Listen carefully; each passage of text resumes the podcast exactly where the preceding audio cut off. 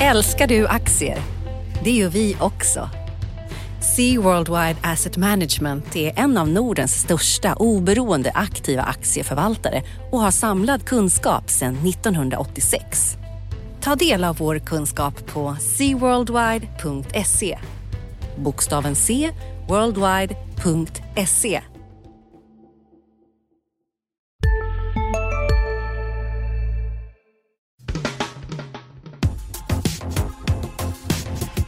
Analyspodden från Dagens Industri. Hej allihopa och välkomna till Dagens Industris analyspodd. Ulf Pettersson heter jag och mitt emot mig har jag Viktor Munkhammar. Det står mig att det inte alltid var dig med Viktor. Det stämmer. Tack för att jag får vara här. Ja, men det är ju en stor dag också. Det var ett spännande Fed-beslut igår, eller ett icke-Fed-beslut igår. Eh, eh, och sådär. Jag tycker det kommer ju prägla vår diskussion idag. Precis, en inställd höjning är ju också en höjning kanske man kan säga. Precis, Eller som Ulf i alla fall en Lundell. händelse. Mm. Ja. Fast jag vet inte om Janet Yellen gillar Ulf Lundell. Men eh, du trodde att det inte skulle bli någon händelse. Du hade rätt, du, du, du trodde att de skulle avvakta. Ja, som nog ganska många så trod, hoppades jag att det skulle bli en höjning men trodde inte att det skulle bli någon. Det, det var ju det också faktiskt marknadsprissättningen indikerade att det troligaste var att det inte skulle bli någon. Eh, någon höjning. Det var väl ungefär 30 procent om man tittade på terminerna. Så att, eh, det, det var väl det mest eh, sannolika eh, att det inte skulle bli någon höjning. Däremot hur Fed skulle formulera sig och hur prognoserna skulle se ut. Det tror jag många blev lite överraskade av och det gissar jag ligger bakom det, den marknadsutvecklingen vi har sett sedan beskedet kom. Just det. Om vi benar ut det här. Du trodde att det inte skulle bli någon höjning. Det blev ingen höjning. Du hade hoppats på en höjning. Varför hade du hoppats på det? Eh, därför att eh, så många har gått runt och våndats över det här så länge och genom att göra den här första höjningen skulle ju Fed få det lite ur världen. Då kan vi lägga det här bakom oss. Det hade säkert blivit lite stökigt eh, som det ju blir när en viktig aktör ändrar på en viktig parameter. Och det här är ju världens viktigaste aktör kan man säga då, och den viktigaste parametern. Ehm, eh, och så, så e-, egentligen för att liksom eh, börja den här eh, långsamma resan uppåt och då hade jag och många andra kanske tänkt sig att man gör en, höjning och så är man väldigt noga med att påpeka att det kommer inte komma några nya höjningar med någon automatik utan vi tittar på hur statistiken kommer in och så vidare. Det som har kallats för en mjuk höjning. Eh, alternativet till det hade ju varit att göra en en, eh, ett hårt oförändrat att eh, tydligt markera att ja, det blir väl inget nu men, men snart smäller det liksom. Och nu, nu blev det inte riktigt så heller utan nu blev det oförändrat och eh, ganska mjuka tongångar från Fed. Och Li- det tror jag oroar en del. Lite mjukare än vad man hade förväntat. Vad är det som vad är det för parametrar de har dragit ner och varför har de gjort det? Ja, alltså det, framförallt så verkar de fästa ganska stor vikt vid den här eh, inbromsningen vi har sett lite i den globala konjunkturen. Det är framförallt Kina det handlar om och det stöket vi har sett på de finansiella marknaderna som ju är kopplat till det här. Eh, och det verkar ha varit det som fick dem att, att låta bli, även om Janet Yellen pratade också om att de vill se ytterligare lite förbättringar på arbetsmarknaden och så här. Så, men, men det verkar vara liksom det som avgjorde, det, det, det vi har sett den, den senaste månaden. Och då kan man ju där ute undra sig, jaha, vad är det Fed ser och oroar sig för som inte vi har sett och eh, att, att de ser en, en reell risk för att inte bara för att det är stök på marknaden utan Yellen pratade om på presskonferensen att ja, vi ska visserligen inte reagera på att det stökar på marknaden men vi måste reagera på orsakerna till att, att det blir eh, slag på marknaden. Och helt enkelt att de är, de är lite mer oroliga än jag tror många hade trott för vad som är på väg att hända med den internationella konjunkturen och hur det ska påverka USA. Precis. Och hur det ska påverka USA. För man brukar ju säga, det kanske är en klyscha nu för tiden, men det har jag alltid hittat förut att Amerika är, en intern ekonomi. Ganska, alltså det, En stängd ekonomi, En stä- de har ganska stängd- lite handel med omvärlden, Precis, ja just det, som andra precis. BNP, stämmer. När det är ett sånt här stort beslut så ska man då, börjar man då titta på Kina. Men det är egentligen inte Kina så att säga, utan det är Kinas påverkan på den amerikanska ekonomin. Ja, Kina och andra tillväxtländer, det är ju inte Ja. bara Kina. Nej, tittar man på, ja, men, också. Mm. Tittar man från ett amerikanskt perspektiv, både Kanada har ju stora problem med det sjunkande oljepriset och det är en viktig ekonomi för en Mexiko så att både, både norr och söder om USA liksom i det absoluta Mm. närområdet. Sen så Brasilien Ja. eh, har ju verkligen halkat ner under vattenytan och sådär. Så inte bara Kina det handlar om, även om man nog kan säga att eh, Kina mycket driver det men det är ju betydligt fler ekonomier än, Kina som har problem och helt enkelt det Eh, bidrar till lite lägre inflationstryck i USA, det är också oljepriset där. Eh, och, men också att det kan liksom eh, ge en lite sämre utveckling i den amerikanska ekonomin. De, de skrev ner BNP-prognosen med en två tiondelar för nästa år och en tiondel för 2017 exempelvis jämfört med prognoserna i, i juni. Mm. En annan sak, signal de sänder som kanske får en del att oroa sig lite är att de har dragit ner bedömningen av vad som är en normal liksom, eh, eh styrränta på lång sikt från 3,8 till 3,5. Mm. Och det är ju en signal om att ja, men ekonomin kanske inte kommer växa fullt så snabbt. Även om just eh, den bedömningen av hur, hur, hur, snabbt ekonomin kan växa långsiktigt eh, höll de oförändrad. Men ändå att de drog ner liksom, den här bedömningen av den så kallade neutrala styrräntan då är ju en annan sån där Ja, signal som man inte riktigt vill se. Eh, om man äger aktier i ett bolag som eh, förstås är beroende av att ekonomin i bred bemärkelse, både den inhemska och globala, växer. Just det. Och eh, vad är det Janet Yellen, det vill säga vi som bevakar henne och världen i övrigt, eh, ska titta främst på nu då? Vad är det för liksom data som gäller för att de ska ta ett höja räntan eller behålla den oförändrad? Ja, de, dels då vill de se att eh, förbättringen på arbetsmarknaden i USA fortsätter. Den, den är ju... Ja, det har, den har ju, det, alltså sysselsättningen har ökat 59 månader på raken. Jag tror det är den längsta perioden med oavbrutet ökad sysselsättning eh, som USA upplevt. Eh, arbetslösheten har kommit ner till 5,1 Eh, det är då inom det intervall som Fed tidigare bedömt som liksom ett så låg, jämviktsarbetslöshet som man brukar prata om, alltså den när ekonomin är i balans. Nu har de sänkt den där bedömningen ytterligare lite grann. Mm. och de tror också att arbetslösheten ska fortsätta ner till, till 4,8 nästa år och ligga kvar där 2017 och det är då under den nivån som de bedömer som en jämviktsnivå. Och ändå så tror de inte att inflationen riktigt kommer skjuta fart. Först 2018 räknar Fed nu med att inflationsmålet på 2,0% ska vara uppnått.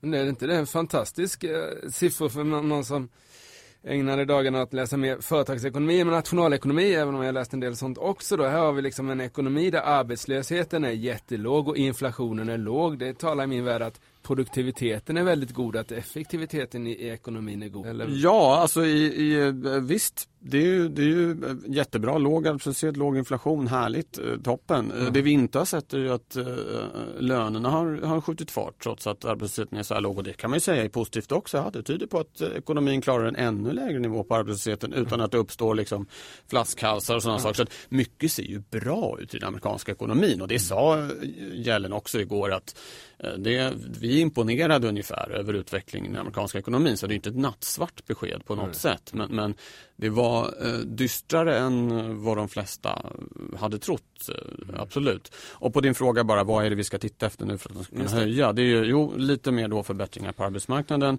Eh, att den här finansiella oron vi har sett eh, lugnar sig och sen också signaler om att eh, eh, Kina inte är på väg mot en så kallad hårdlandning och med det Eh, Eh, andra tillväxtländer då utan att, eh, att, att, att det kommer vara trögare för de så kallade tillväxtekonomierna. Det tror jag alla är överens om men att, att eh, takten i försämringen gärna stannar upp eller i alla fall inte ökar. Det, det vill nog Fed-ledamöterna se.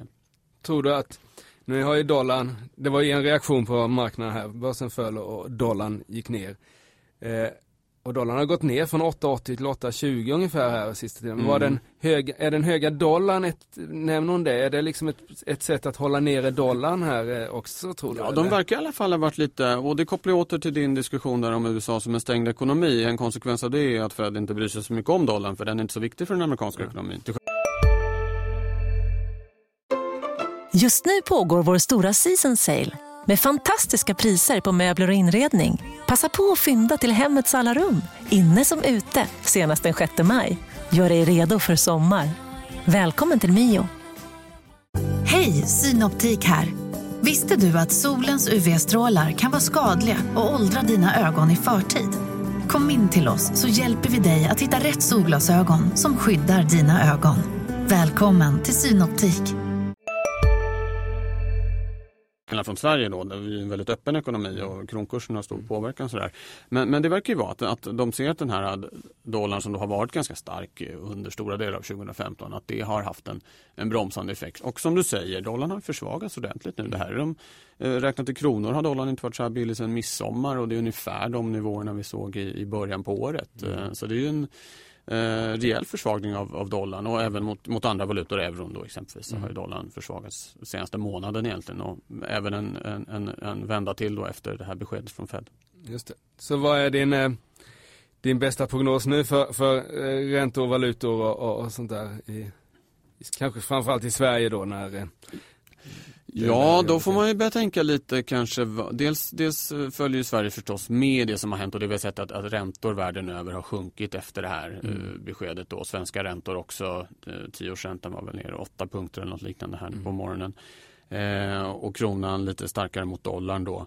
Eh, men sen så får man ju tänka att det här, hur påverkar det här Riksbanken? De var ju mm. inte så särskilt glada. Vi hörde ju uh, vice riksbankschef Per Jansson var ute och talade här tidigare i veckan hade som ett riskscenario att Fed väntar med att höja, att ECB kanske ser sig tvingat att öka på stimulanserna och att det då skulle bli väldigt svårt för Riksbanken att att hålla emot och liksom tvingas mot sin vilja med på ytterligare några åtgärder. Kanske att de har en, en räntesänkning till i sig möjligtvis. För det, för det är ett... Och, och det, det, det, så, att, så, att, så, att, pressen på Riksbanken ökar av det här. De hade nog väldigt gärna sett att Fed eh, hade höjt räntan och inte också visat att nu, nu börjar det liksom den här cykeln med liksom successivt sjunkande både styr och marknadsräntor har börjat vända. Att världens mm. viktigaste centralbank liksom går före. Men det fick vi ju inte. Nej. För det som är är ju att eh, Stefan Ingves måste gå före så att säga. Och det hade varit mycket enklare om, om gällen hade, hade börjat promenera framåt, det vill säga höja räntan. Då hade inte Absolut. Ingves behövt göra så mycket för då hade han ändå liksom Då hade, då hade de fått draghjälp av, av Fed. Ja. Och det får de ju inte nu. Sen, jag menar, ska man gissa så är väl ändå det troligaste att det kommer i december och då jag menar september eller december. Du menar den amerikanska Den amerikanska mm.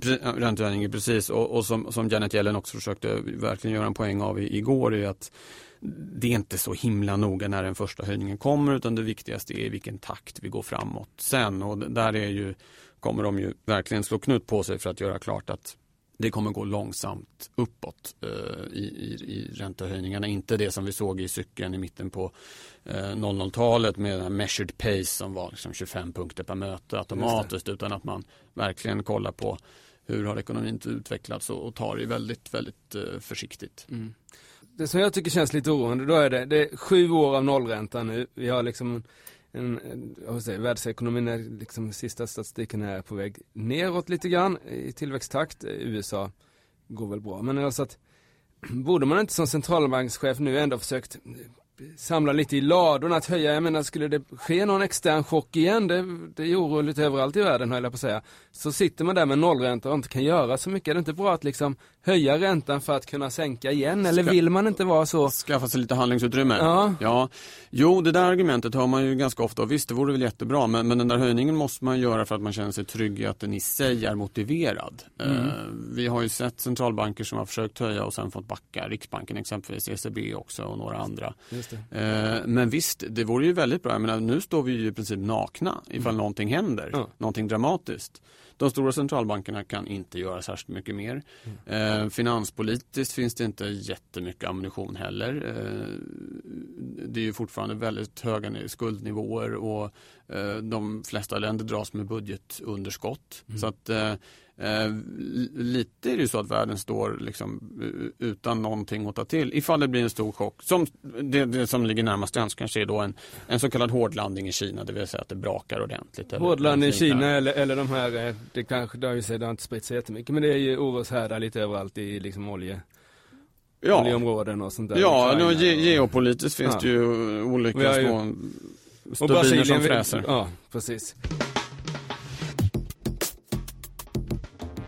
Det om Fed. Eh, nästa vecka, vad tittar vi på då? Vad pratar vi om i nästa veckas analyspodd? Ja, kanske lite om eh, höstbudgeten som kom på måndag för svensk del. Eh, det, det mesta är ju ute och det blir väl ingen jätte lite dramatik kanske man ändå får gissa. Men det som eh, blir intressant i onsdag, då kommer det preliminära inköpschefsindex från Kina, EMU och USA. Och det, blir, det är en viktig temperaturmätare på just det här som vi har pratat om nu. Hur mm. går det egentligen i världs konjunkturen eh, och inte minst det kinesiska då kommer nog många vara intresserade av. Ja. Kan, det, kan de hamna under 50 eller? eller? Ja, det ligger ju redan under 50. Ja. Eh, så det är frågan ifall det sjunker ytterligare eller ja. ifall det stabiliseras eller ifall det mm, förhoppningsvis då vänder upp eh, lite grann. Så det, det är väl, det tror jag många kommer vara, vara nyfikna på. Den här veckan var det torsdag man skulle vara vaken. Eh, nästa vecka är det onsdag. Då, är det då får man gå upp tidigt om man ska vara med när Kinas eh, preliminära index eh, kommer. Ja, man, eh, mitt i natten. Mitt i natten, ja. Vi får se om vi klarar av det. Det är inte säkert. Nej, högst osäkert va. Någonting annat innan vi stänger idag? Ja, kanske om jag får fråga dig lite. Svenska bolag, du som är lite mer börsfokuserad, eh, har ju haft eh, bra draghjälp av den här eh, förstärkningen av dollarn. Nu ser vi att kronan som vi har pratat om har ju stärkts mot dollarn och vi är nere på de nivåer vi såg i i, i, i början av året. Vad, vad tänker du? Den här, liksom, det har ju varit de vinstökningar man sett har varit mycket valutadoping. Valutadoping och den är i sig eh, allt är ju relativt, 8,20 är en, en bra nivå på dollarn ändå, men den är inte lika bra som den här 8,80. Eh, vi kommer ha positiva valutaeffekter för bolagen med tanke på sina terminsäkringar och annat, eh, inköp, sker före försäljning och sånt där.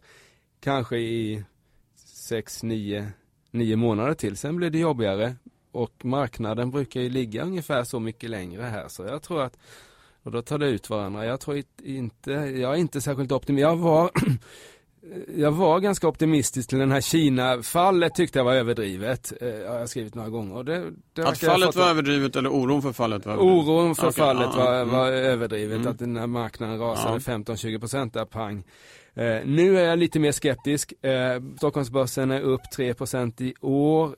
Jag undrar om vi orkar stå på plus när vi stänger, stänger året. Jag tror att vi kan få en en ganska jobbig höst. Delvis till följd av den svaga, svaga dollar, eller att dollarn har försvagats här och den lilla osäkerhet som ändå gårdagens beslut innebar för marknaden tycker jag. Ja. Så okay. eh, lite mindre optimistisk kring börsen just nu. Eh, kommande kvartalet kan man säga. Mycket dollar och lite den här allmänna osäkerheten som började spridas. Ska de höja, ska de inte höja? De var ju dessutom oeniga här, det är inte så ofta. Nej, det var ju en, en, ja det var ju ett par ut, grejer som stack ut får man säga på den fronten. Dels var det Jeffrey Lacker som, som reserverade sig och ville höja. Eh, sen var det en ledamot som alla utgår från var Korsel Lakota eh, som eh, hade i sin så kallade dotplot, alltså ledamöternas egen prognos för vad räntan ska vara någonstans, att det ska vara minusränta. Uh-huh. Alltså att de ska sänka antingen i oktober eh, eller december och att dessutom ligga kvar under noll under 2016. Det. Så det var två riktiga outliers kan man Just säga. Det. Jag hörde att, att, att han käkade lunch med Lars E.O. Svensson så det kanske där han fick, fick sin inspiration att han ska ha minusränta här i ett läge när Säkert. arbetslösheten är låg. Bra Viktor, eh, jag får önska dig en trevlig helg. Eh, Detsamma. Och önska alla lyssnare ut en trevlig helg. Lyssna gärna på oss framöver också. Eh, Ulf Pettersson heter jag och mitt emot mig har jag haft Viktor.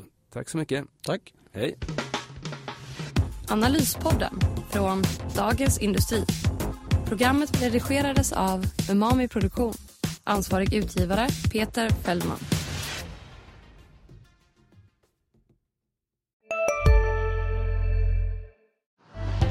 Älskar du aktier? Det gör vi också. Sea Worldwide Asset Management är en av Nordens största oberoende aktiva aktieförvaltare och har samlad kunskap sedan 1986.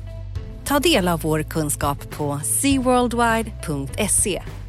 Bokstaven C, worldwide.se